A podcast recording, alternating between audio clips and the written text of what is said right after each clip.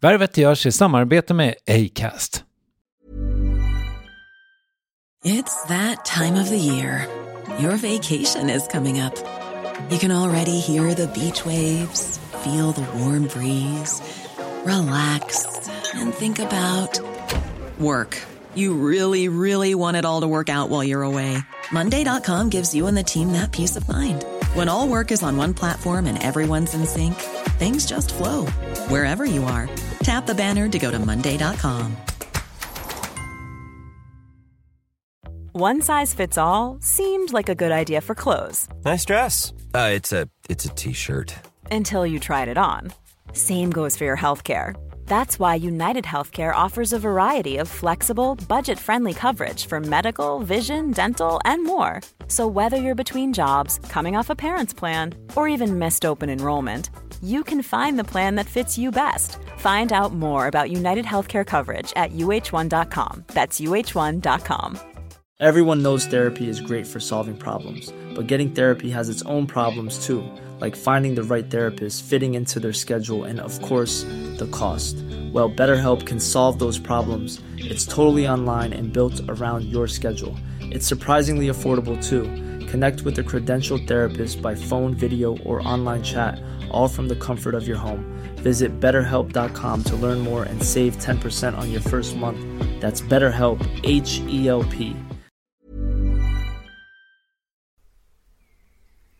Värvet presenteras i samarbete med Nasonex, utomhusmöjliggöraren, som de inte kallar sig av någon märklig anledning. Men det är i alla fall Sveriges mest köpta antiinflammatoriska nässpray mot allergisk snuva. Och nu kommer ett litet test, så fram med papper och penna du som lyssnar, nu kör vi. Fråga 1. Vill du vara ute mer i naturen?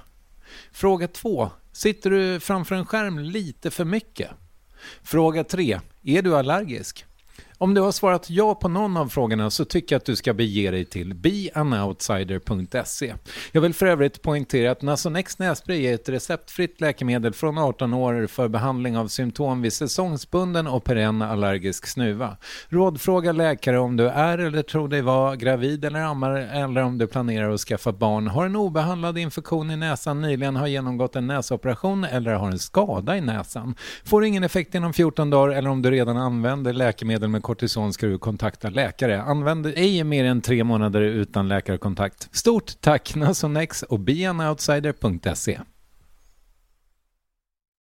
Plötsligt så befinner du dig i en ring med 50 personer runt dig som står och skränar och hejar och hetsar. Och jag lät mig hetsas. Jag hamnade i en situation som jag löste på det sämsta tänkbara sätt.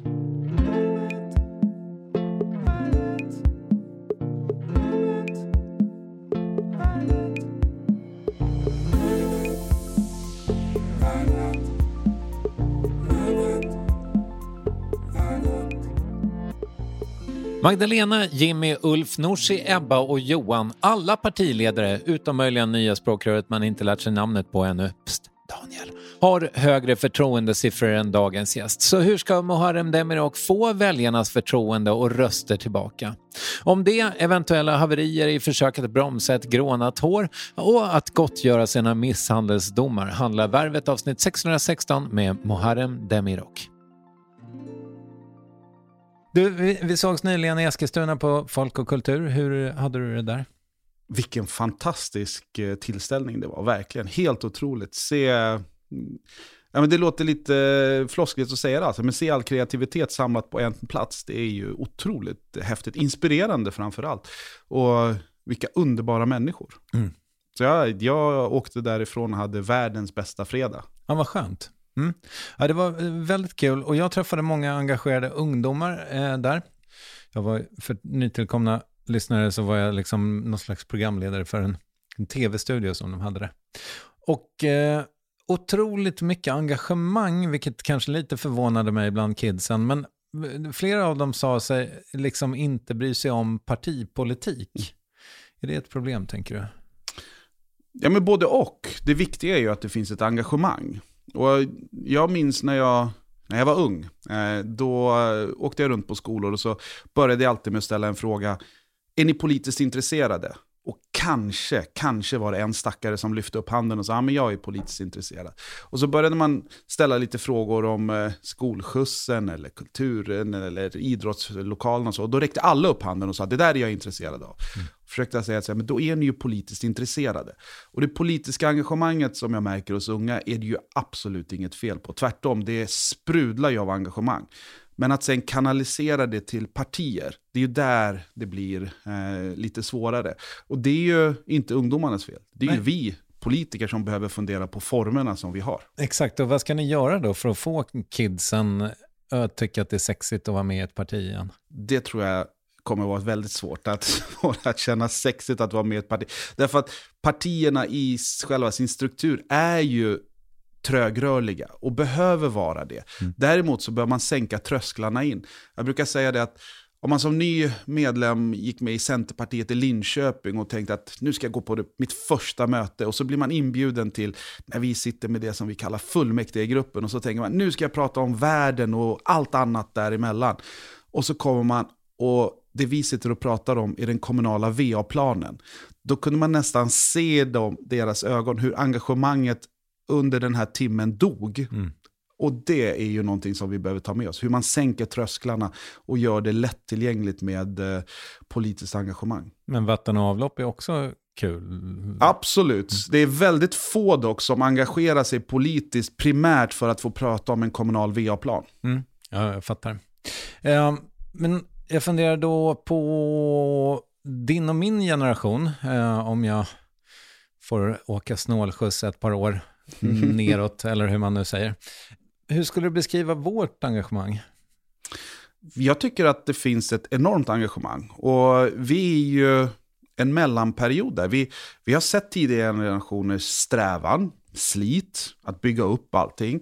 Jag tror ingen i vår generation har åkt på räkmacka. Man har sett föräldrarnas slit och eh, strävan. Och det har gjort väldigt mycket för oss. Vi jag upplever ändå att det finns en stor respekt för det vi har, det gemensamma. Eh, samtidigt så har vi ju då turen att ha fått växa upp i ett land där det inte fanns särskilt mycket problem.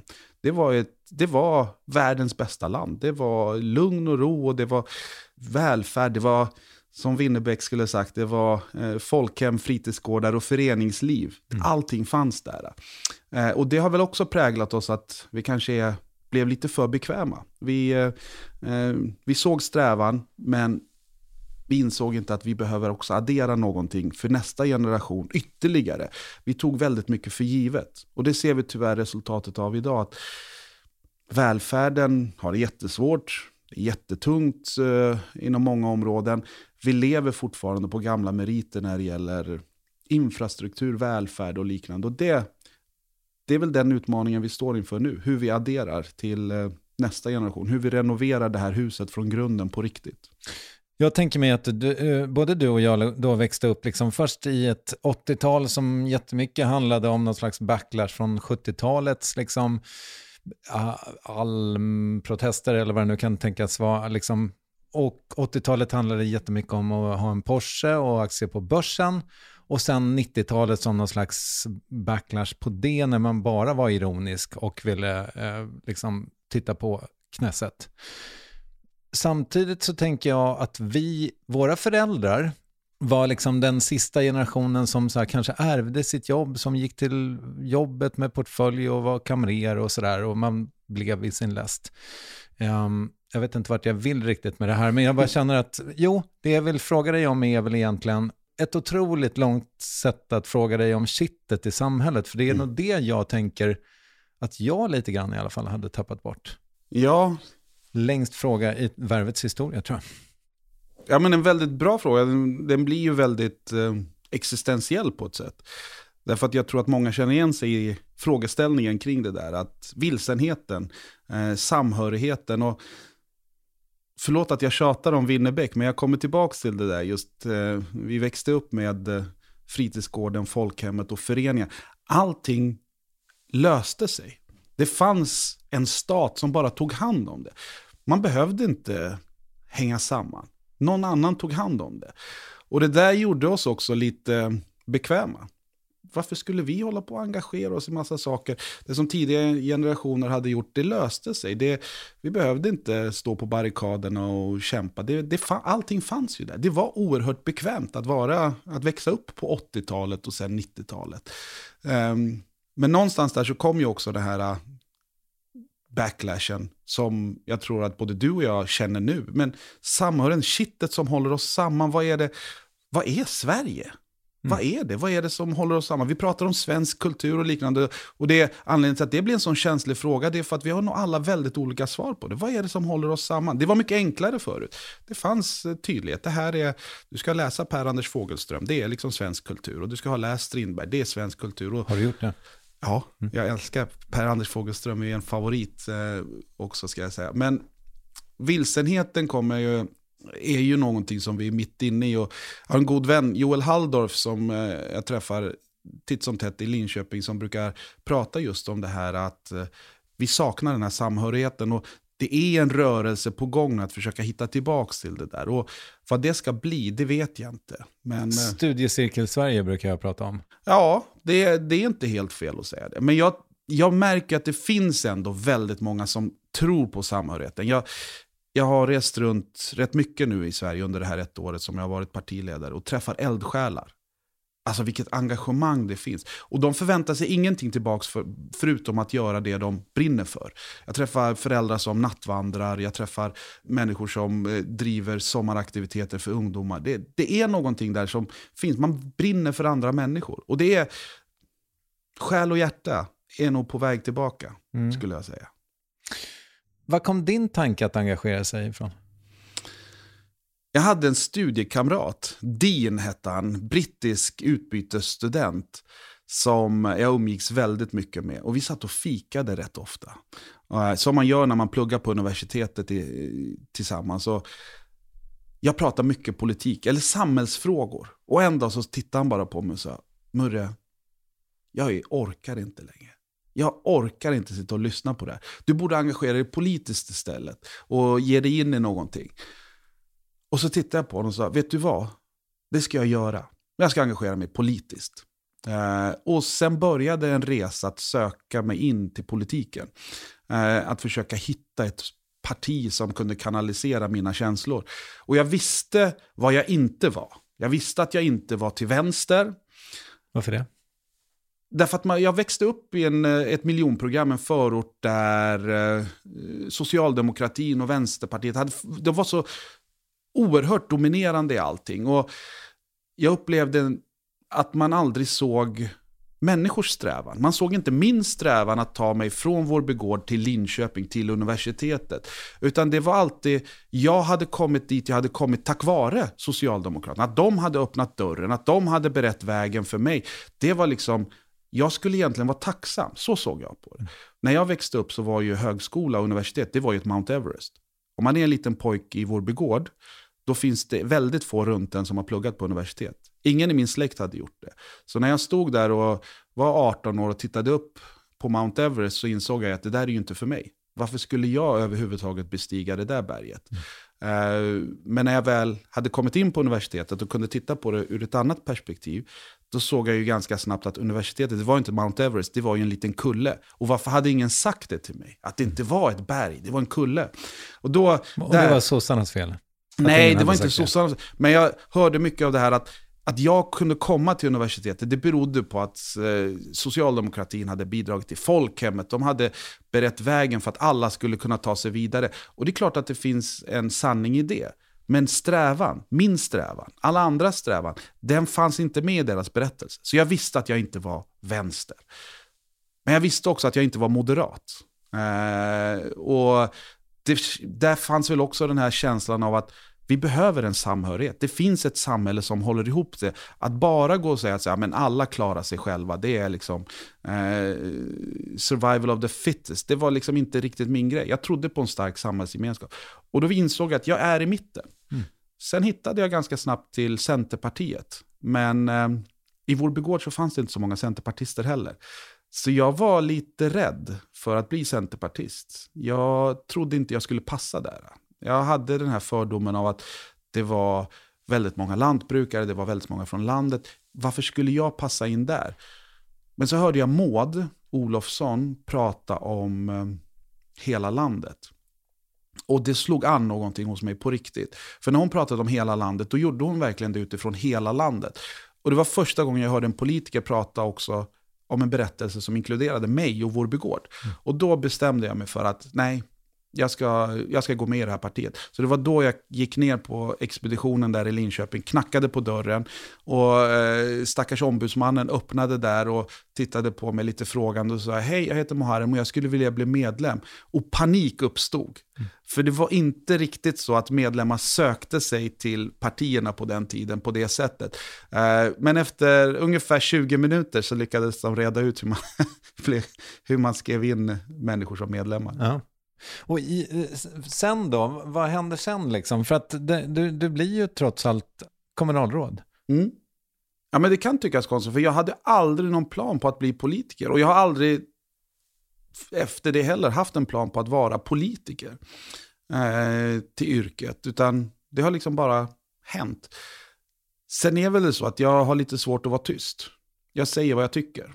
Jag har inget problem att vara obekväm. Det är, sitta i ett rum och bara vara tyst för att det blir, oj, vi ska inte göra en obekväm stämning. Det är inte min grej. Man måste säga vad man tycker. Det mm. tycker jag är rimligt. Och det gjorde ju också att folk tyckte att det jag sa var, lät rimligt och bra. Och då fick jag en fråga om jag ville sitta med första politiska uppdrag var som ersättare i miljönämnden i Linköping. Och så kom jag in där och sen rullade det på. Det gick ganska fort.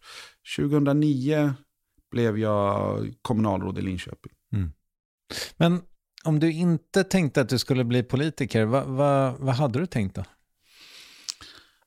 När jag växte upp så ville jag bli professor, oklart varför. Eh, det var väl väldigt mycket professor Baltasar. Eh, det var ju en man som gick av och an och sen kom på en lösning för att göra det bättre. Mm. Och det var just det där att vilja förändra, göra saker bättre. Det var nog därifrån den, eh, den ingången kom. Men också en tanke om att det kanske skulle gå att bestiga det där Mount Everest som var universitetet. Men det var väl egentligen min tanke. Sen hade jag inte så mycket tankar efter gymnasiet, utan då var det bara, jaha, vad händer nu? Eh, hade allsköns olika jobb. Sålde, var tele, alltså te, telefonförsäljare, sålde toapapper på bal. Var inte min grej. Okay. Väldigt svårt. Mm -hmm. Öppningslinen lyckades jag aldrig hitta riktigt. Okay.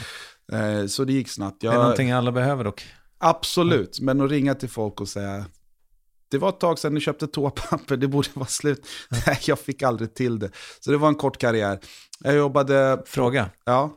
Hade du så många andra med utländsk klingande namn ett alias när du telefonsålde? Hur visste du att...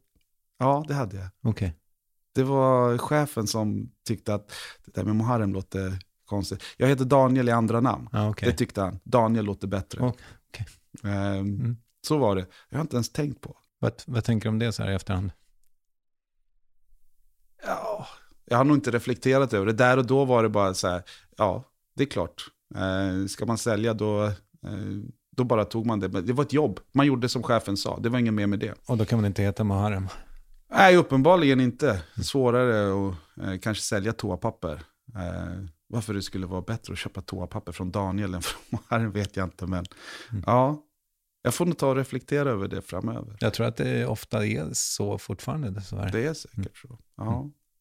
Sen gick jag vidare. Jag, hade, jag jobbade som städare eh, på bank, drog på mig eh, gummihandskarna och skura toaletter. Eh, jobbade på eh, hamburgerkedja, flippa burgare, jobba på nattklubb. Eh, mm. Allt ifrån städare till bartender.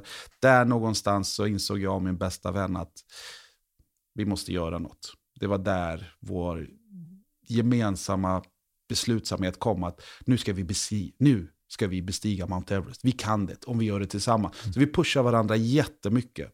Och sen eh, besteg vi Mount Everest mm. och kom in på universitetet. Mm. Hur var din studietid?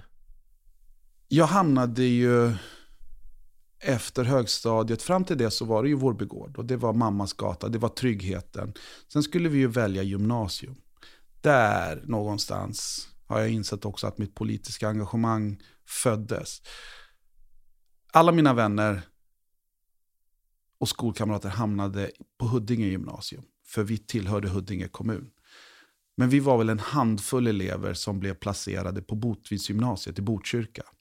Som vi inte hade någon relation till. Och man ska komma ihåg att Botvidsgymnasiet hade ju redan då ett rykte av att vara Sveriges absolut sämsta skola.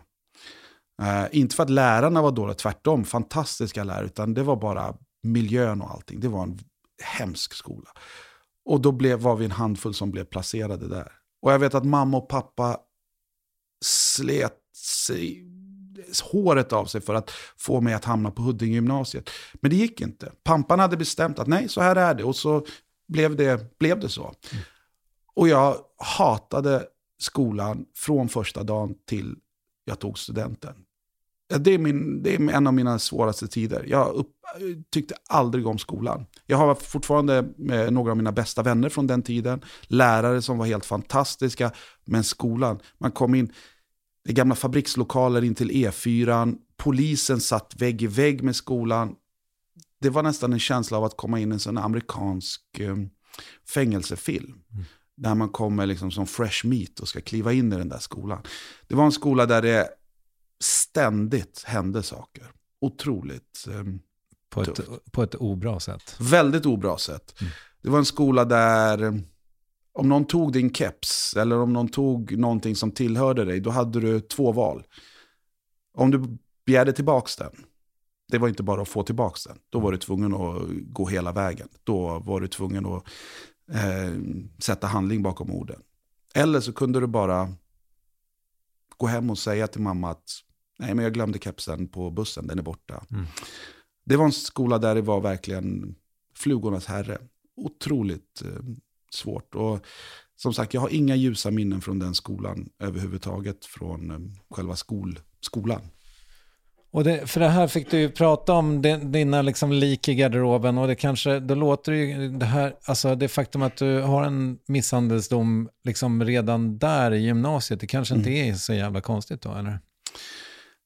Alltså, om det är konstigt eller inte. Men det var en sån miljö. Ja, och det, jag hamnade ju tyvärr i en situation som varken jag eller den andra killen ville. Man kom in i en situation och plötsligt så befinner du dig i en ring med 50 personer runt dig som står och skränar och hejar och hetsar. Och jag vet, för de flesta kanske det här låter som en film, men det var precis på som den Fight Club. Ja, men det var på den sättet. Det liksom hetsades och istället för att vänner och det skulle ta isär folk så hetsades det ännu mer. Och plötsligt så står det två 17-åriga killar i en ring och vet att kliver du ur den här, gör du inte, står du inte upp för dig själv, då kommer det bli ännu värre. Då kommer du vara den som backade ur och då kommer du vara spottkoppen i skolan. Så man hetsas in i en situation. Och tyvärr så låter man sig hetsas. Mm. Och jag lät mig hetsas. Jag hamnade i en situation som jag löste på det sämsta tänkbara sätt. Jag valde liksom att kliva in i, i det där på, på ett sätt som jag idag tycker var, liksom, det, det var helt fel. Men där och då, som 17-åring, så känner du inte att du har ett val. Och det där kommer jag ju bära med mig resten av livet. Det spelar ingen roll vad, som, vad man gör eller så. Det där kommer jag bära med mig för alltid som en tagg i hjärtat. Och där någonstans också insåg jag ju att vad en skola och en skolmiljö betyder. Där någonstans insåg jag vad skolpolitik betyder. Där föddes det första embryot till att ingen skola ska vara dålig, punkt slut. Den här skolan lades ju ner sen eh, i den formen. Man flyttade den, byggde om den, har blivit jättebra, jätteengagerade lärare och rektorer. Eh, och det är jag jätteglad för. För den typen av miljö kan man inte ha, där man trycker in jättemånga elever på ett jätteliten och knepig yta där det finns otrygga vrår och vinklar hela tiden. Där, man, där egentligen alla går med en klump i magen hela tiden. Det var en hemsk skolmiljö. Och lärarna fick aldrig förutsättningar att vara bra lärare. Eh, och sådana skolor får vi bara inte ha kvar i Sverige. Det får inte finnas dåliga skolor som ger barn klumpar i magen. Mm. Men du, efterspelet till den här misshandeln, liksom, varför, varför hamnade du hos polisen överhuvudtaget? det blev ju eh, anmälningar kring det här. Eh, och jag hamnade ju, det blev ju eh, domstolsförhandling kring det här och jag hade med mig mamma och pappa vid det tillfället. Mamma och pappa har, har ju alltid varit ett enormt stöd för mig hela livet. Att sitta där med mamma och pappa, känna deras stöd men samtidigt också känna eh, besvikelsen hos dem. Eh, det gjorde något med mig.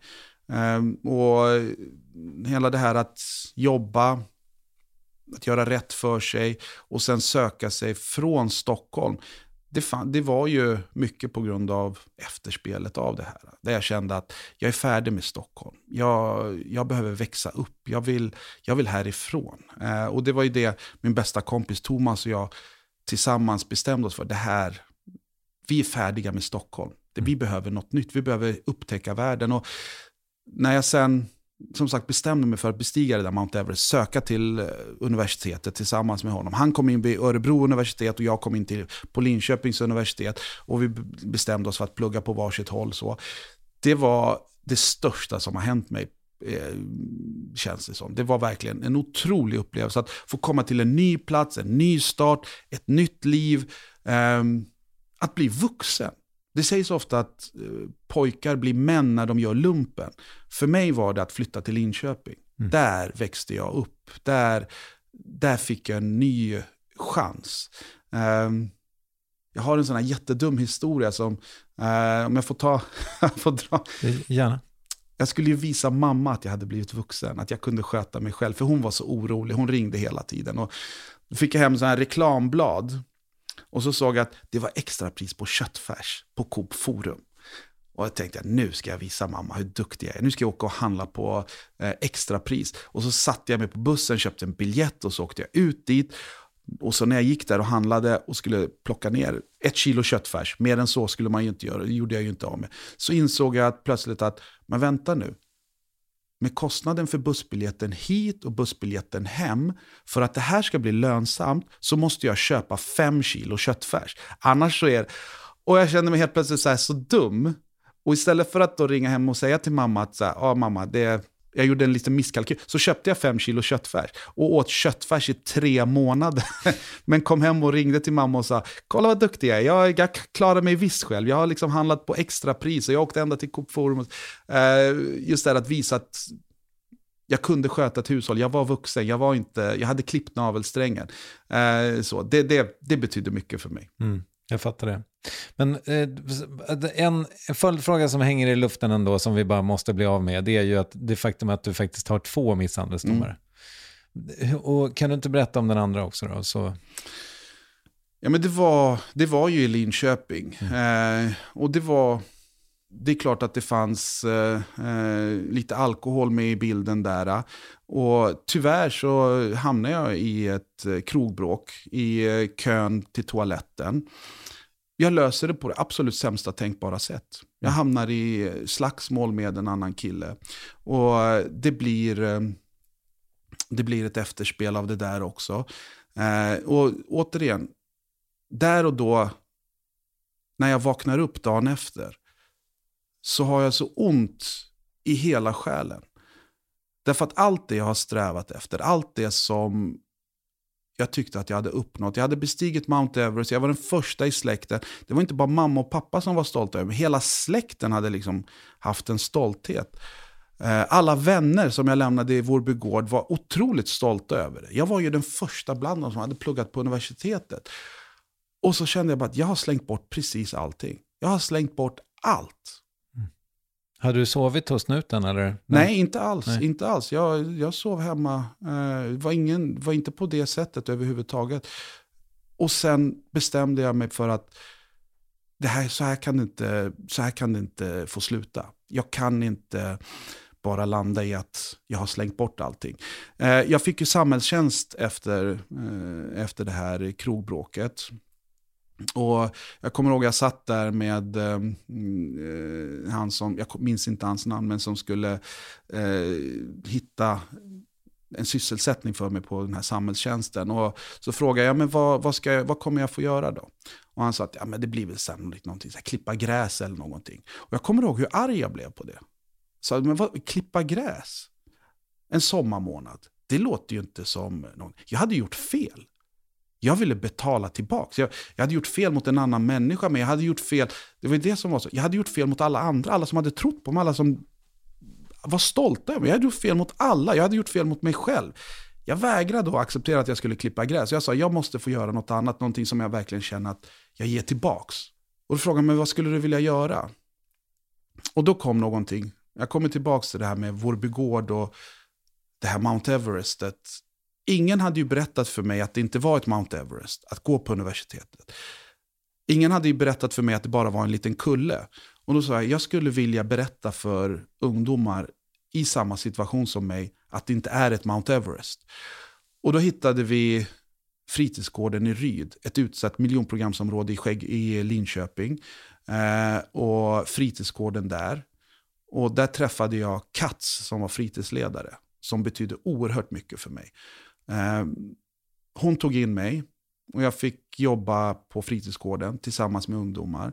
Och just vara den som berättade, ni mm. klarar det här också. Ni kan gå på universitetet, ni kan ta er in det. Det är bara en kulle. Låt inte de här mentala eh, barriärerna eller andras fördomar sätta stopp för er. Så jag jobbade där ett tag och när samhällstjänsten var över så frågade jag om jag fick vara kvar. Hon tyckte det var jättetrevligt, så jag var kvar där ett tag till tills jag och Thomas, min kompis, då åkte iväg och pluggade i Australien eh, under sex mm. månader. Så fram tills dess så jobbade jag kvar eh, på frivillig basis för att eh, finnas där. Det var för mig ett sätt att försöka betala tillbaka. Men jag kommer alltid bära med mig de här sakerna. Och den skulden kommer jag aldrig bli fri. Har du haft eh, möjlighet liksom att be om förlåtelse, ursäkt? Inte personligen. Det, eh, jag har inte, eh, jag har inte eh, träffat någon av de här senare. Men mitt sätt att be om ursäkt det var, har ju varit att försöka göra rätt mm. därefter. Att hela tiden betala tillbaks. Och som sagt, vad andra än säger så kommer jag aldrig bli kvitt den skulden för mig själv. Den finns alltid där. Den kommer jag bära med mig tills, eh, tills den dag jag går ur tiden. Finns det inte liksom, jag vet inte, det är två snubbar som gissningsvis är väl i din ålder som, någon, som finns någonstans där ute. Mm. Finns det liksom, jag tänker mig att en del av mig, ifall jag hade varit i samma situation, jag vet, ja men, snodde en handväska när jag var 14 typ, på ett litet, vad heter det, jourlivs i mm. Strängnäs. Och öppnade dörren till laget, där låg det en handväska, jag tog den bara, så snodde jag alla cash ur den. Um, hen, hon som ägde den har ju inte jag bett om ursäkt. Liksom. Men det, om jag fick chansen skulle det vara ganska härligt. Du är väldigt publik, skulle, alltså, du skulle inte vilja träffa de här killarna? Ja, men, så jag kan absolut träffa dem och... Nej, det, ja, det, och liksom kan och kan, jag undrar ifall ja, du vill. Ja, jag menar, så det, det är klart att jag skulle vilja sitta ner med dem och eh, och ha en, ta en kopp kaffe ordentligt. Eh, jag läste ju en intervju med eh, killen från eh, min gymnasietid. Ah, okay. Eh, det var någon som hade hittat den? Ja, mm. och han hade ju precis den här samma upplevelsen som mig. att Det var två killar som hamnade i en situation som... Det är klart att vi rådde över situationen. Vi har ju alltid ett personligt val att göra.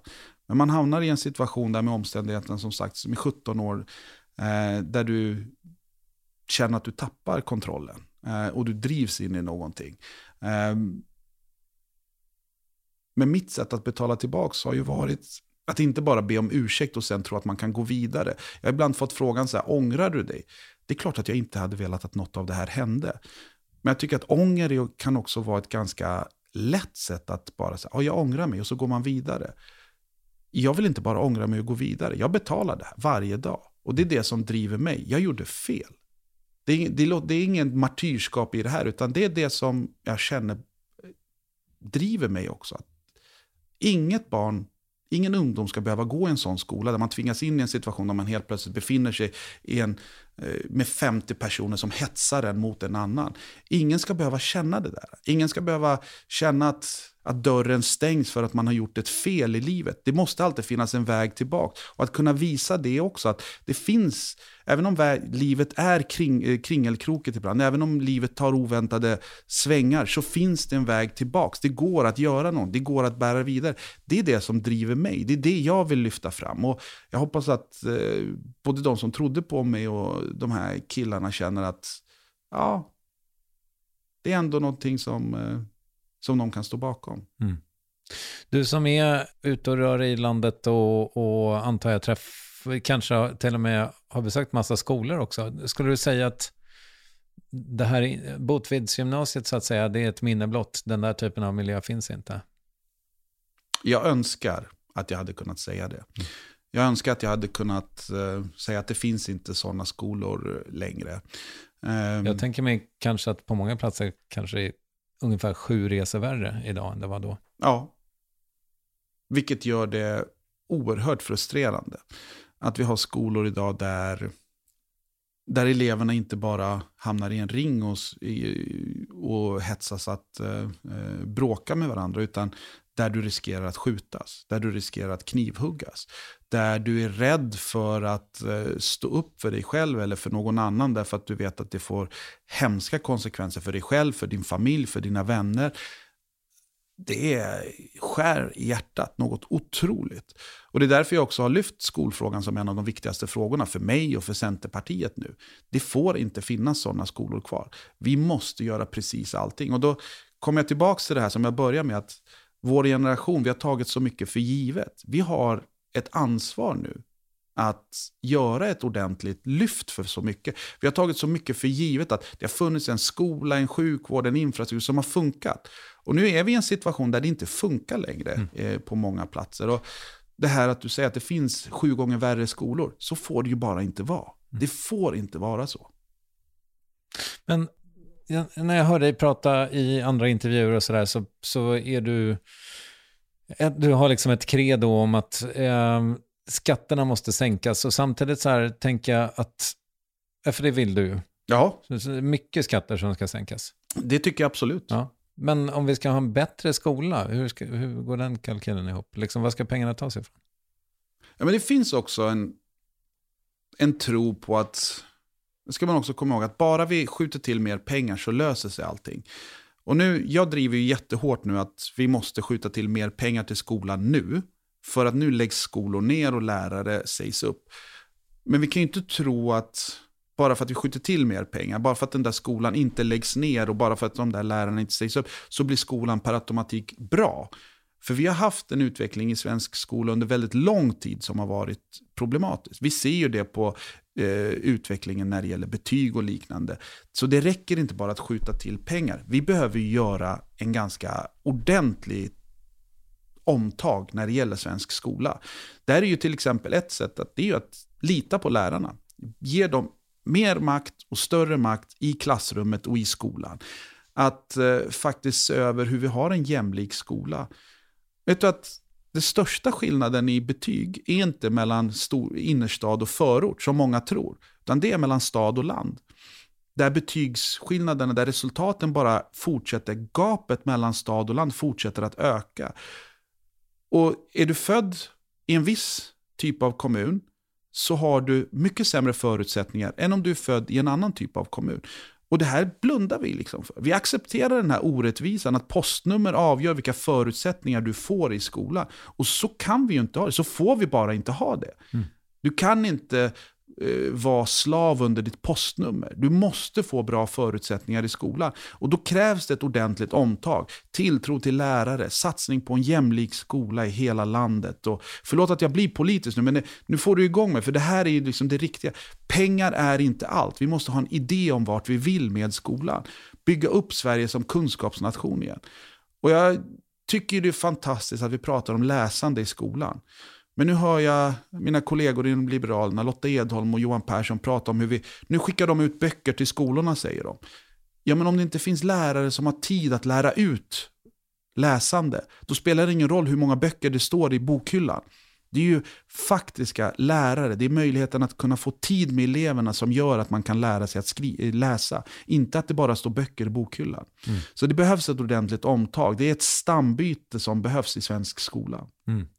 Men, men eh, med dig då som eh, statsminister så att säga, liksom, hur hade du fått ordning på, vi började i gängkriminaliteten så ifall vi kan liksom hålla oss kvar vid den, mm. sen om du hamnar i skolan så be my guest. Mm. Ja, men alltså, gängkriminaliteten är ju, det är ju en utveckling som bara måste ta stopp. Det är någonting fruktansvärt som har hänt i vårt land. Där 13-åringar skjuter andra 13-åringar. Hur kunde vi hamna i en situation där unga tjejer säger att de vågar inte gå ut på kvällen? De sitter hemma, där de beväpnar sig med kniv om de ska gå ut eh, en liten kort sväng. Hur kunde vi hamna i en situation där mammor dör i gängkrigen. Mam oh, mammor som inte har någonting med det att göra. Oskyldiga människor på väg till jobbet skjuts. Hur kunde vi hamna här? Alltså det, nu är det allt för många som stannar upp och säger att det här måste vi få ett stopp för. Och den enda möjligheten att göra det, det är att låsa in fler. Och jag kan hålla med delvis. Lås in dem. De här jordgubbarna och rävarna och allt vad de kallas. De, jag har noll sympati för dem. Noll. Om man kan sitta vid Medelhavet och beställa mord som en annan beställer pizza på fredagskvällen, då har man inte liksom sympati. Det är, lås in dem, släng bort nyckeln. Jag har noll sympati för dem överhuvudtaget. Men den här 13-åringen som tvingas begå mord, för det ska vi komma de tvingas göra det. Där kan vi inte ge upp. Vi får inte ge upp för de här barnen. Det måste finnas en annan väg än gängkriminaliteten. Och då är det ju skolan. Då är det eh, civilsamhället, då är det gemenskapen som behövs i de här områdena. Och Det går inte att understryka nog hur mycket av det här förebyggande som vi behöver göra. Och Det handlar inte om fritidsgårdar och, och pingisbord, utan det handlar om att ha trygga vuxna. Det handlar om att ha trygga vuxna som engagerar sig, som bryr sig om andra eh, barn. Och Det spelar ingen roll hur bra det går för mina barn i skolan. Om det går dåligt för grannens barn i skolan så kommer alla barn att få lida av det. Och det är där den här jämlika skolan, att alla får bra förutsättningar, kommer in. Så när vi pratar om det förebyggande så är det många som försöker få det att framstå som tårta och ballonger. Och det är det inte. Det är ordentliga insatser som bygger samhällsgemenskap, som ger trygghet, som skapar trygga individer, som ger framtidstro tillbaks. Det mm är vad jag tror på. Fast det här låter inte jätteexakt i mina öron. Liksom, jag, vill höra, jag vill höra en mer detaljerad plan. Hur ska du ingjuta det här hoppet? Liksom, hur, ska, hur ska kidsen in i samhällskontraktet så att säga? Alltså, jag var stökig i skolan. Hade jag fått erbjudande om fem lax för att flytta ett paket från en plats till en annan istället för att gå på hemkunskapen, jag hade tagit det på en sekund kan jag säga. Mm. Ja, men det är också en, eh, det är som, motståndet i det här som vi, har att, eh, eh, som vi har att möta är ju enormt. Rekryteringen av ungdomar den pågår ju dygnet runt på sociala medier och allting. Och det är som du säger, de erbjuds, det är ju inte fem lax, det är ju mer än så. Eh, för att göra... Jo, men jag är gammal, jag räknade om det. Ja. du la in dåtidens valutakurs. Eh, nej, men de kan ju erbjudas 50 000 för att utföra någonting. Mm. 50 000 är ju mer än vad deras föräldrar någonsin tjänar i en månad. Det är klart att det lockar. Det är liksom en ett tufft motstånd vi har att göra. Och så får du respekten med dig i det där. Som, eh, respekten säger inom situationstecken. Mm. Men du måste sakta men säkert bygga upp en motståndskraft. Och den börjar i skolan, att du känner trygghet, att du känner att du är del av någonting annat. Eh, och jag kom, om jag går tillbaka till min egen barndom. Ett av de största vaccinen, det var ju att mamma läste böcker för mig när jag var barn. Jag kommer ihåg, då, där och då så såg jag inte värdet av att mamma hade läst massa böcker för mig. Att eh, hon hade sjungit godnattsånger till mig. Men det skapade ju en känsla av att man var del av någonting. Eh, när mamma läste Astrid Lindgrens böcker för mig, då gjorde ju det att jag också kände en koppling till ett samhälle, att jag var del av någonting större. Och nu låter jag lite så, men en litteraturkanon, det är bra att ha. Nej, det tycker jag inte. Men känslan av att höra samman, att finnas i ett sammanhang som är större än, eh, än bara Vårby gård, det betyder mycket för mig. Och det måste vi bygga tillbaks. Det låter ännu flummigare, jag vet Kristoffer, men samhällsgemenskap är någonting som inte bara byggs över en natt. Vi, har, vi är mitt uppe i en förändringens tid just nu. Och då måste du satsa på eh, den här typen av saker. Trygga vuxna. Kan inte mamma och pappa lära dig att läsa? Kan inte mamma och pappa läsa böcker? Se till att det finns andra förutsättningar. Sagostunder på biblioteken. Och jag struntar fullständigt i vilka det är som håller i sagostunderna. Om det är vad heter de, Thunderpussy eller vad de nu heter. De får kalla sig vad de vill. De är otroligt viktiga. De är trygga vuxna som lär barn självkänsla, självförtroende, eh, tillit. Vi behöver sånt. Mm. Sen behöver vi lärare som håller i det, som finns där hela tiden. Jag träffade lärarna i, på Rosendalsskolan i Skäggetorp som har haft lästävling med sina barn. De har utmanat 3000 andra klasser runt om i hela Sverige. Och Skäggetorpsskolan, ett utsatt område, de vann den här, klass 4B. De var bäst i Sverige av nästan 3000 klasser i hela Sverige. Och det beror ju på att lärarna har ett engagemang, är trygga. De här barnen kommer ju känna att de är del av någonting. Och får de sen möjligheter att gå vidare, där du kan få eh, möjlighet till jobb, där du har möjlighet att komma in på högskolan, där du känner att det är inte är ett Mount Everest, det är någonting för dig också, ja men då öppnas ju plötsligt andra vägar. Därför att hur mycket de här gängen än kan erbjuda i pengar, så kommer det också med en baksida. Du riskerar varje dag att mördas. Det är någonting som också väger in i det där. Ingen vill bli mördad. Mm. Och det, det är klart att då helt plötsligt kan det vara intressant att jobba på ett tråkigt jobb och eh, sitta på ett kontor hela dagen också. Mm. Ja. Blev det klarare eller blev det ännu ja, flummigare? Nej, det tycker jag inte. Men, men eh, det är ju, det känns ju som en väldigt, alltså apropå Mount Everest så känns det som en, alltså det är väldigt lång väg att gå. Ja, och den som erbjuder enkla lösningar nu, den eh, far ju inte bara med osanning, den ljuger ju medvetet. Och jag ska säga att det som är det absolut mest tragiska just nu, det är att det är ganska mörkt. Och jag brukar säga att det, det, är inte bara svårt att vara politiker, det är svårt att vara människa just nu. Det är ganska tungt. Det är mycket skit runt omkring oss som händer. Och i det här mörkret, då är det så många som vill sätta sig ner och bara mjölka det här mörkret. Man, man liksom, det är bra, det här gynnar vissa krafter. Och de trivs där. Man bara pratar om eländet. Det är allt för många som pekar på, hade bara inte de varit här, eller hade bara inte de gjort så för 15 år sedan, då hade det inte varit så här. Men det där gynnar ju, ursäkta nu höll jag på att svära, det gynnar ju ingen.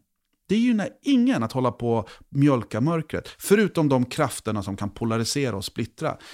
Och när jag engagerade mig politiskt, då fanns det ändå en vilja bland Maud Olofsson och det som jag gick med i, att att ha blicken mot horisonten, att styra den där skutan mot morgondagen. Det fanns ett ljus där. Ja, det kunde vara mörkt, men det fanns ett ljus där borta. Och det saknar jag idag. Mm. Alltså viljan att styra mot morgondagen. Säga att det är mörkt och tufft nu, det stormar på havet. Men där borta finns en gryning. Jag vet att det är svårt, det är jättetufft och det går inte att vända det här på en dag. Det går inte att bygga ett nytt samhällskontrakt på över en natt. Men om vi inte håller siktet mot morgondagen och ser att det finns ett ljus där, ja, men då kommer vi vara allt för många som sitter och geggar i den där pölen av mörker och sitter och ältar och skyller på andra. Och de enda som kommer gynnas av det, det är de som vill splittra och polarisera. Mm. Och det kommer inte ta vårt land framåt. Men om vi ska liksom konkretisera det här, och jag tänker mig att du kanske syftar på Sverigedemokraterna när du pratar om de här termerna? Inte bara. Jag okay. tycker mm. väldigt många, kanske allt för många partier i riksdagen är där idag. Mm. Geggar i mörkret. Men eh, okej, okay, då korrigerar jag mig själv och så säger jag, du kanske pratar om typ Sverigedemokraterna, Moderaterna och sossarna som liksom har gått med i den här typen av retorik. Men jag menar, du vill ju så uppenbarligen att eh, Centern ska vara liksom ett alternativ till den här enkla verklighetsbeskrivningen eh, då, att allting är invandringens fel eh, och så vill du vara alternativet. Men om man nu åtminstone går med på den verklighetsbeskrivningen att allting är invandringens fel, nu försöker vi få bort gängkriminaliteten. Du vill liksom å ena sidan få bort gängkriminaliteten men du vill samtidigt att Sverige ska fortsätta ha en generös invandringspolitik. Eller i alla fall en human invandringspolitik ifall jag lägger ord i munnen på dig. Liksom, hur, hur får du ihop den kalkylen? Alltså, för vi är inte mer rustade idag antar jag än vi var 2015. Nej, det är vi inte. Vilket är eh, jätteproblematiskt. Därför att det vi ser idag är ju konsekvensen av att vi tog emot människor, men vi tog emot dem lite med armbågen. De fick fly från krig och elände och överleva. Men vad fick de för förutsättningar att komma in i samhället? Det var allt för många som hamnade utanför. Och då behöver man fundera på, hade vi kunnat göra annorlunda? Hade vi kunnat göra andra saker? Hade vi kunnat sänka trösklarna in på arbetsmarknaden för människor? Så att de kom in i jobb? Hade vi kunnat snabba på eh, möjligheten att komma in i samhället? Att eh, få ta, till, ta del av språk och att känna samhörighet med landet. Hade vi kunnat göra saker annorlunda, då hade det ju sett an, väldigt annat ut idag. Men det jag vänder mig mot den här retoriken att vi tog emot för många och det är därför vi är idag. Det är att den som säger så, den behöver inte säga mer än att vi tog emot för många. Och det blir, har plötsligt blivit en sanning. Men om man börjar skrapa på ytan och fråga sig, men vilka är de här för många? Och då säger de så ja men de här gängkriminella. Ja men okej.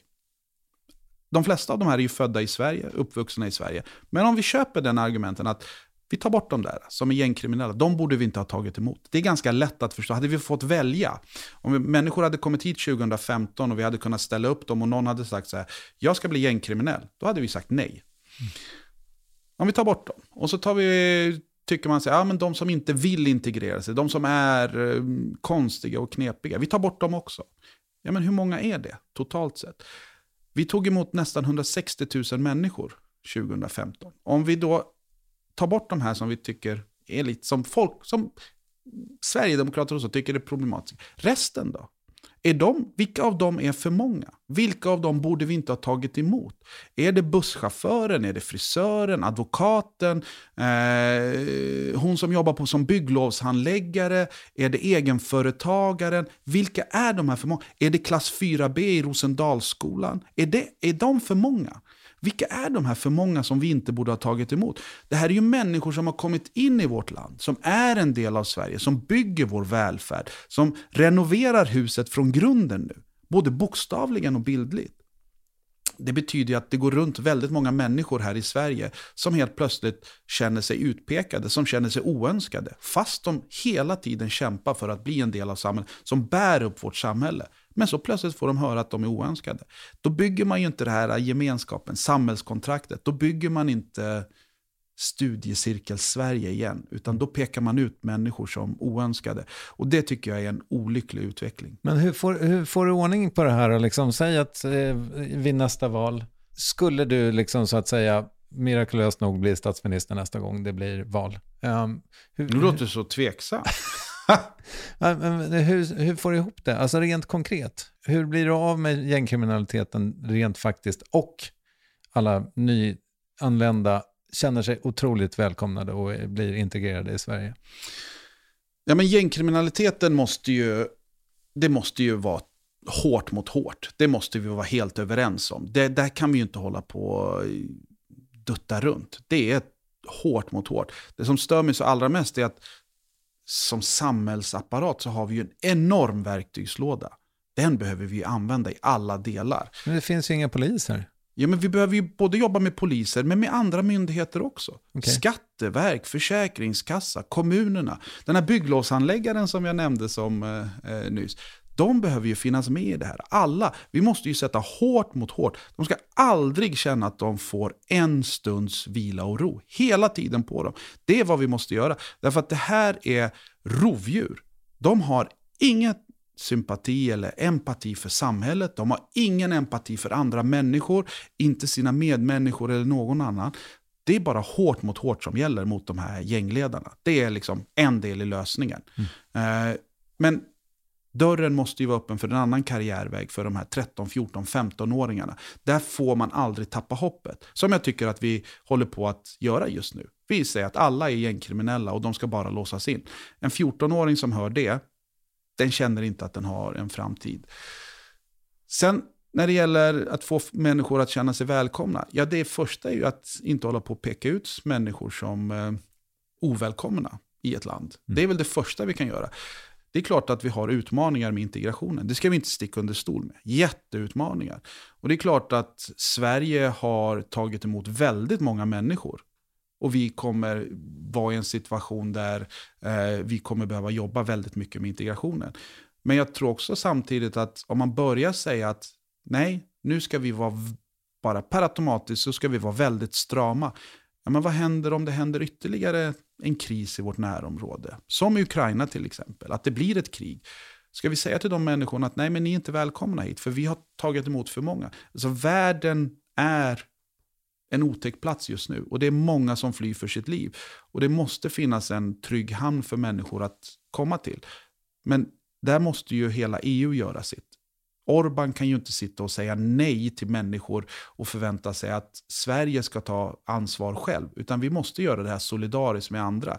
Och det finns ju ett arbete nu i Europa, eh, e EUs migrationspakt, som just innebär att EU ska ta ett solidariskt ansvar. Och det tycker jag är jättebra. För det skapar förutsättningar för människor att ta sig från eh, ett krig in till en trygg, eh, trygg hamn, överleva och samtidigt få förutsättningar att kunna bygga sig ett nytt liv. Okay.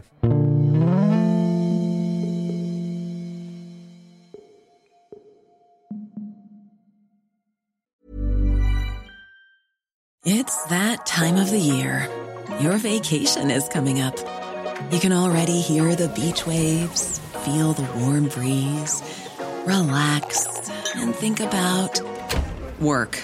You really, really want it all to work out while you're away. Monday.com gives you and the team that peace of mind. When all work is on one platform and everyone's in sync, things just flow wherever you are. Tap the banner to go to Monday.com. I'm Sandra, and I'm just the professional your small business was looking for. But you didn't hire me because you didn't use LinkedIn jobs. LinkedIn has professionals you can't find anywhere else, including those who aren't actively looking for a new job but might be open to the perfect role, like me. In a given month, over 70% of LinkedIn users don't visit other leading job sites. So if you're not looking on LinkedIn, you'll miss out on great candidates like Sandra. Start hiring professionals like a professional. Post your free job on linkedin.com/people today. Everyone knows therapy is great for solving problems, but getting therapy has its own problems too, like finding the right therapist, fitting into their schedule, and of course, the cost. Well, BetterHelp can solve those problems. It's totally online and built around your schedule. It's surprisingly affordable too. Connect with a credentialed therapist by phone, video, or online chat, all from the comfort of your home. Visit betterhelp.com to learn more and save 10% on your first month. That's BetterHelp, H E L P. Yes, ny sponsor. Värvet presenteras i samarbete med Svea Bank. Och jag menar inte att ta ner stämningen, men dessvärre är ju lågkonjunkturen här, vilket innebär att de flesta branscher har det tufft och också väldigt många privatpersoner. Jag vet själv vad det är att ha en trasslig privatekonomi. Det var struligt i många år för mig och låg ofta post i hallen med trista logotyper i ena hörnet och jag hade också i flera års tid ett helt gäng betalningsanmärkningar. Och tyvärr är det nog många som har det svårt att få ihop till räkningarna just nu, som har hamnat i ekonomiskt trubbel. Och det är här Svea Bank kan kliva in med något som kallas skuldfinansiering. Där löser de skulder hos inkasso och till Kronofogden och till och med om Kronofogden vill sälja ditt boende har Svea Bank möjlighet att hjälpa till. I den här tjänsten får du en personlig handläggare som gör en grundlig genomgång av din ekonomiska situation, de tar kontakt med dina kreditgivare och när ett lån beviljats löser de dina skulder skulder åt dig och samla dem i ett enda lån med en avbetalningsplan som din ekonomi klarar av. För om du har hamnat i klister, du är inte ensam och kanske kan det här hjälpa dig. På svea.com skuldfinans kan du läsa mer. Tack Sveabank! Men du, eh, vi, vi pratade liksom om eh, din tid som eh, kommunalråd. Ja. Jag skulle liksom innan du går, för min tid börjar faktiskt lida mot sitt slut ändå. Jag skulle ändå vilja prata lite grann om att gå från kommunalråd till att hamna i riksdagen och sen slutligen då som partiordförande. Mm. Liksom, kan du säga någonting om den, om den resan? Gud, ja, vilken resa. Mm. Det måste jag ju säga.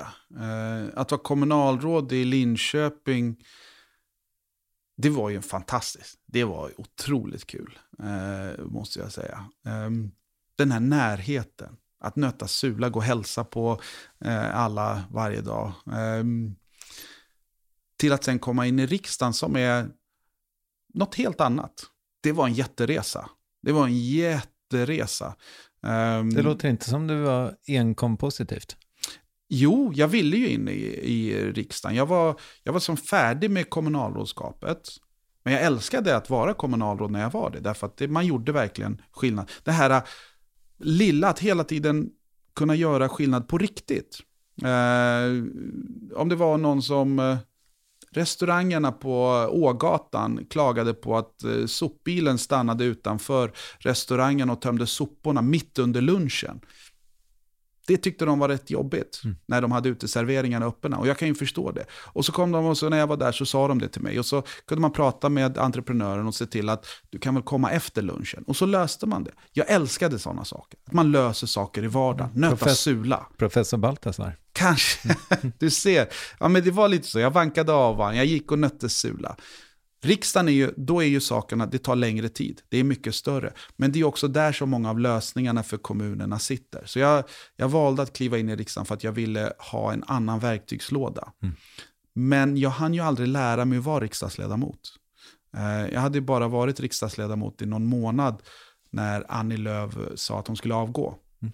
Och jag började få frågor från medlemmar om, eh, de fick nominera mig till partiledare. Först tänkte jag så här, nu, nu har de nallat på eh, i spritskåpet lite för tidigt där på dagen. Eh, jag hade ju aldrig tänkt de tankarna överhuvudtaget. Jag skulle ju lära mig att bli eh, riksdagsledamot. Det var ju det som var liksom tanken. Eh, och sen kom det alldeles för många frågor för att jag bara skulle avfärda det. Men hur hade du, liksom, hur hade du på så kort tid hinnat, hunnit få den här liksom profilen ändå att vara så synlig? Ja, men jag var kommunalråd i 13 år. Jo, jag vet. Men då, då, då vet väl ingen i riksdagen vem fan du är? Nej, men partiledare utser ju inte riksdagen. Det är medlemmarna i vårt parti. Jo, jo. Och där har jag ju jobbat rätt hårt. Jag har varit rätt synlig, eh, varit drivande, varit väldigt engagerad internt i partiet och synts oerhört mycket. Mm. Eh, och det var väl det som också var det finaste med när jag fick de här frågorna att jag kände helt plötsligt att jag hade ett enormt förtroende bland så många medlemmar. Men när jag fick det, så jag blev oerhört rörd. Väldigt glad, men också väldigt, väldigt rörd. Eh, första gångerna, de första som hörde av sig, då var det så här, ah, mm. visst. Men när det kom fler och fler frågor så insåg jag plötsligt att, okej, okay, det är lite förmätet att bara avfärda folks känslor och säga att nej, jag tror inte på er.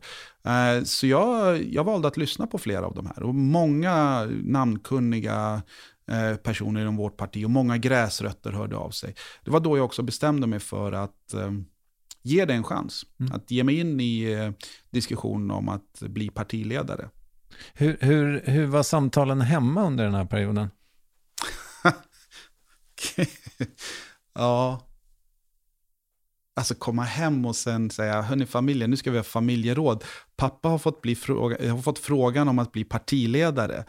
Det är ju inte varje dag man har den frågan vid fredagstacon. Vi gör väldigt mycket tillsammans i familjen. Vi gör det som, eh, som ett lag. Eh, och det här är ju någonting som du inte, det tar du ju inte beslut om själv. Det är ju någonting som hela familjen ska in i. Barnen tyckte ju så här, wow, häftigt, kul och så. Uh, Men de har inget konsekvenstänkande? Nej, inte riktigt. Men Sara, min sambo, det är ju, hon är ju mer än bara min livskamrat. Hon är ju min, mitt allt, min stöttepelare i livet. Mitt jordankare som håller mig nere uh, om jag flyger iväg ibland. Hon sa ju, om vi skulle säga nej till det här, och du, då är det klart att du skulle ju, du skulle ju lyssna på oss och tacka nej. Det vet jag, sa hon. Men då skulle vi ju alltid undra tillsammans. Hur hade det blivit? Vad hade hänt om du hade tackat ja? Hade du, vilken skillnad hade du kunnat göra? Och det ska vi ju inte sitta och tänka på och älta. vad som hade kunnat hänt. Det är klart att du ska göra det här och jag är med dig i allt i det här. Mm. Och där och då när hon sa det, då var det klart för mig att jag skulle tacka ja. Mm. Men var det självklart att tänka att du var en bra kandidat för partiet? Jag hade aldrig gått runt och tänkt att jag ska bli partiledare. Jag har hört andra kollegor som har sagt så här, I was born to do this. Jag har aldrig gått och tänkt, jag har aldrig tänkt att jag ska bli politiker. Jag har sagt det jag tycker, jag har gjort det jag tycker är rätt och det har gett mig förtroende. Och det är så jag har byggt det hela tiden. Som sagt, jag engagerade mig aldrig för att bli politiker. Jag engagerade mig för att göra skillnad. Och när jag som sagt fick de här frågorna så var det ju mycket det. Är jag lämplig? Är jag bra? Alltså mycket av det här självrannsakan.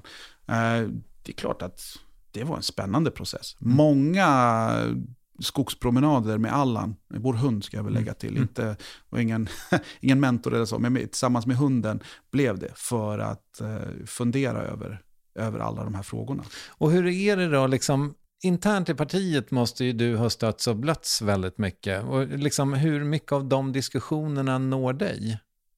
Ja, allt når ju inte mig. Det är klart att eh, folk ska sitta vid fikabordet och diskutera. Det tycker jag ju hör till det.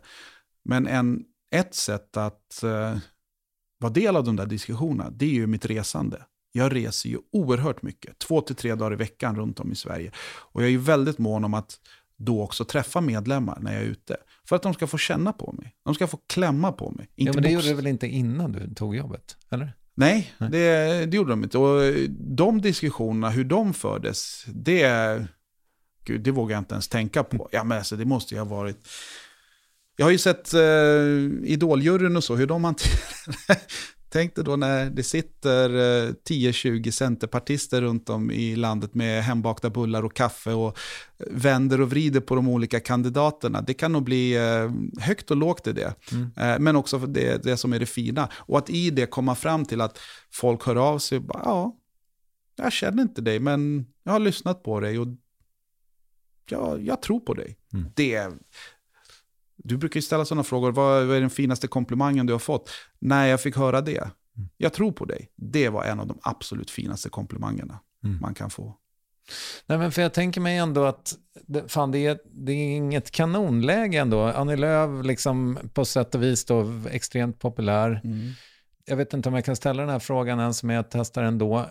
Liksom i, med Sverigedemokraterna i en ställning som är mer dominerande än någonsin och att då välja en kille som har ett muslimsk klingande namn. Mm. Vad är det för jävla idé? oh, jag älskar frågan. Tack. Och det är lite här vi behöver vara. Man måste kunna ställa frågor och man måste kunna... Vi har blivit för ängsliga, vi ställer inte frågor. Eh, men det är klart att jag har tänkt det också. Mm. Eh, det är klart att det har varit en del i det här. Eh, det är ett statement att ha dig ju, väl? Ja, men det är en... Jag vet inte om det är så mycket ett statement som att det är en självsäkerhet. En tro på varandra och oss som parti. Säger du att ni har ett storkukslugn? är det det du sitter och säger mellan raderna? Ja, nu, nej, jag ska inte säga så mycket mer. Men eh, det är klart att vi har ett lugn i det här partiet som eh, flera andra saknar. Mm. Det skulle jag säga. Eh, och vi bär det från Torbjörn Fälldin och, och framåt. Mm. I det här. Men det, det finns en tilltro och en, ett omhändertagande om varandra i det här partiet som jag är oerhört stolt över jag tänker ofta på det när man ser hur andra partier behandlar varandra, hur de, eh, hur de är och hur de fläcker ut varandra i media och så. Det finns ett, liksom en, ett sätt i Centerpartiet som jag är väldigt glad om. Ett omhändertagande sätt. Eh, jag brukar ibland jämföra, man tar Liberalerna och oss. Vi är två partier som ja, i många delar tycker likadant, men vi är väldigt olika i partikulturen.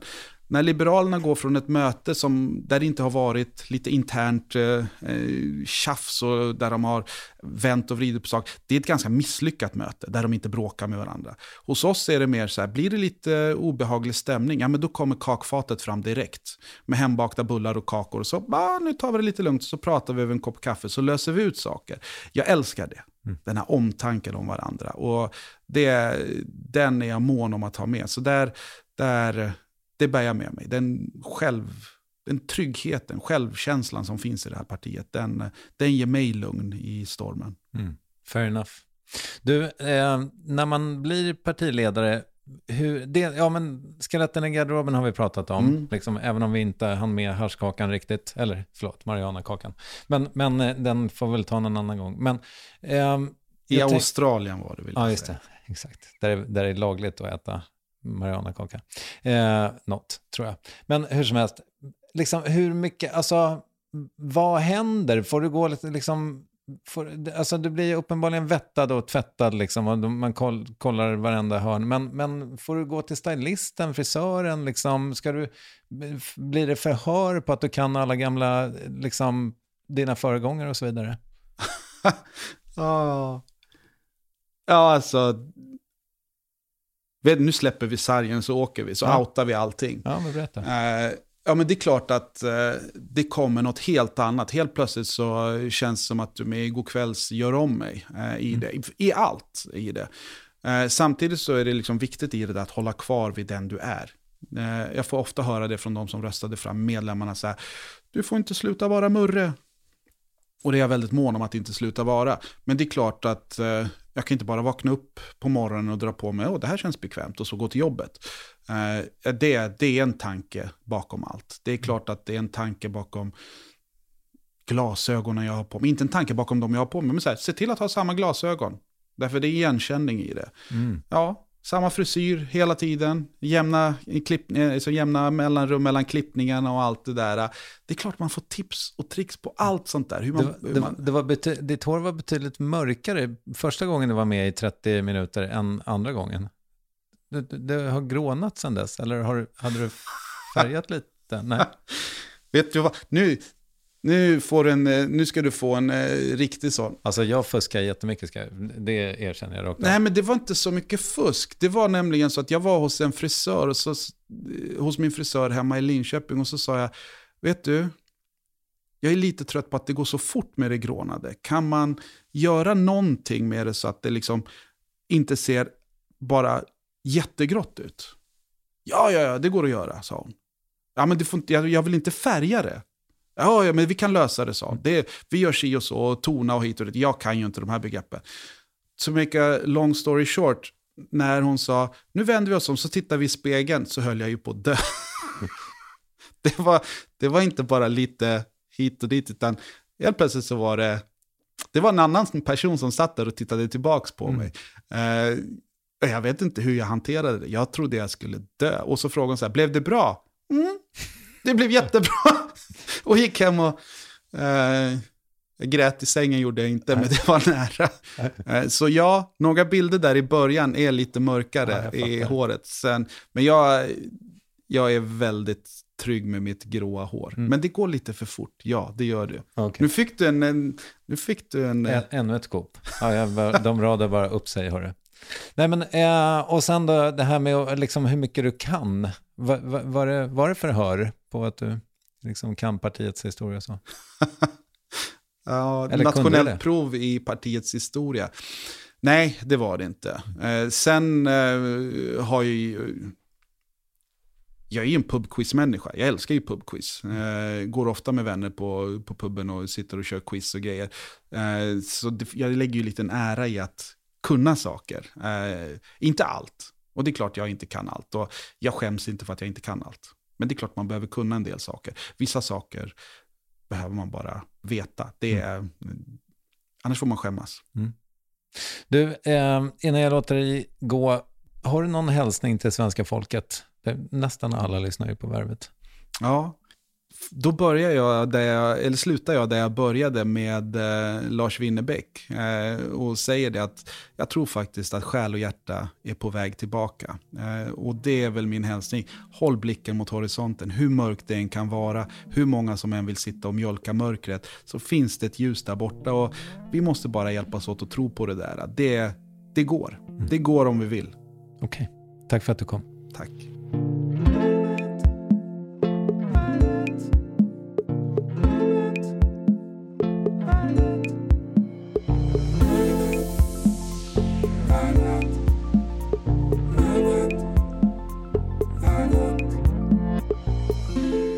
Värvet har ett Instagramkonto, det mår bättre än någonsin tack och du hittar det på varvet. Ninni Westin producerade, Acast plattformade och jag, Kristoffer Triumf, ledde den här skutan som tuffar på och som är tillbaka om max en vecka. Tack för visat intresse.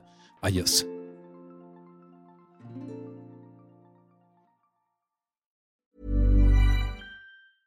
Even when we're on a budget, we still deserve nice things.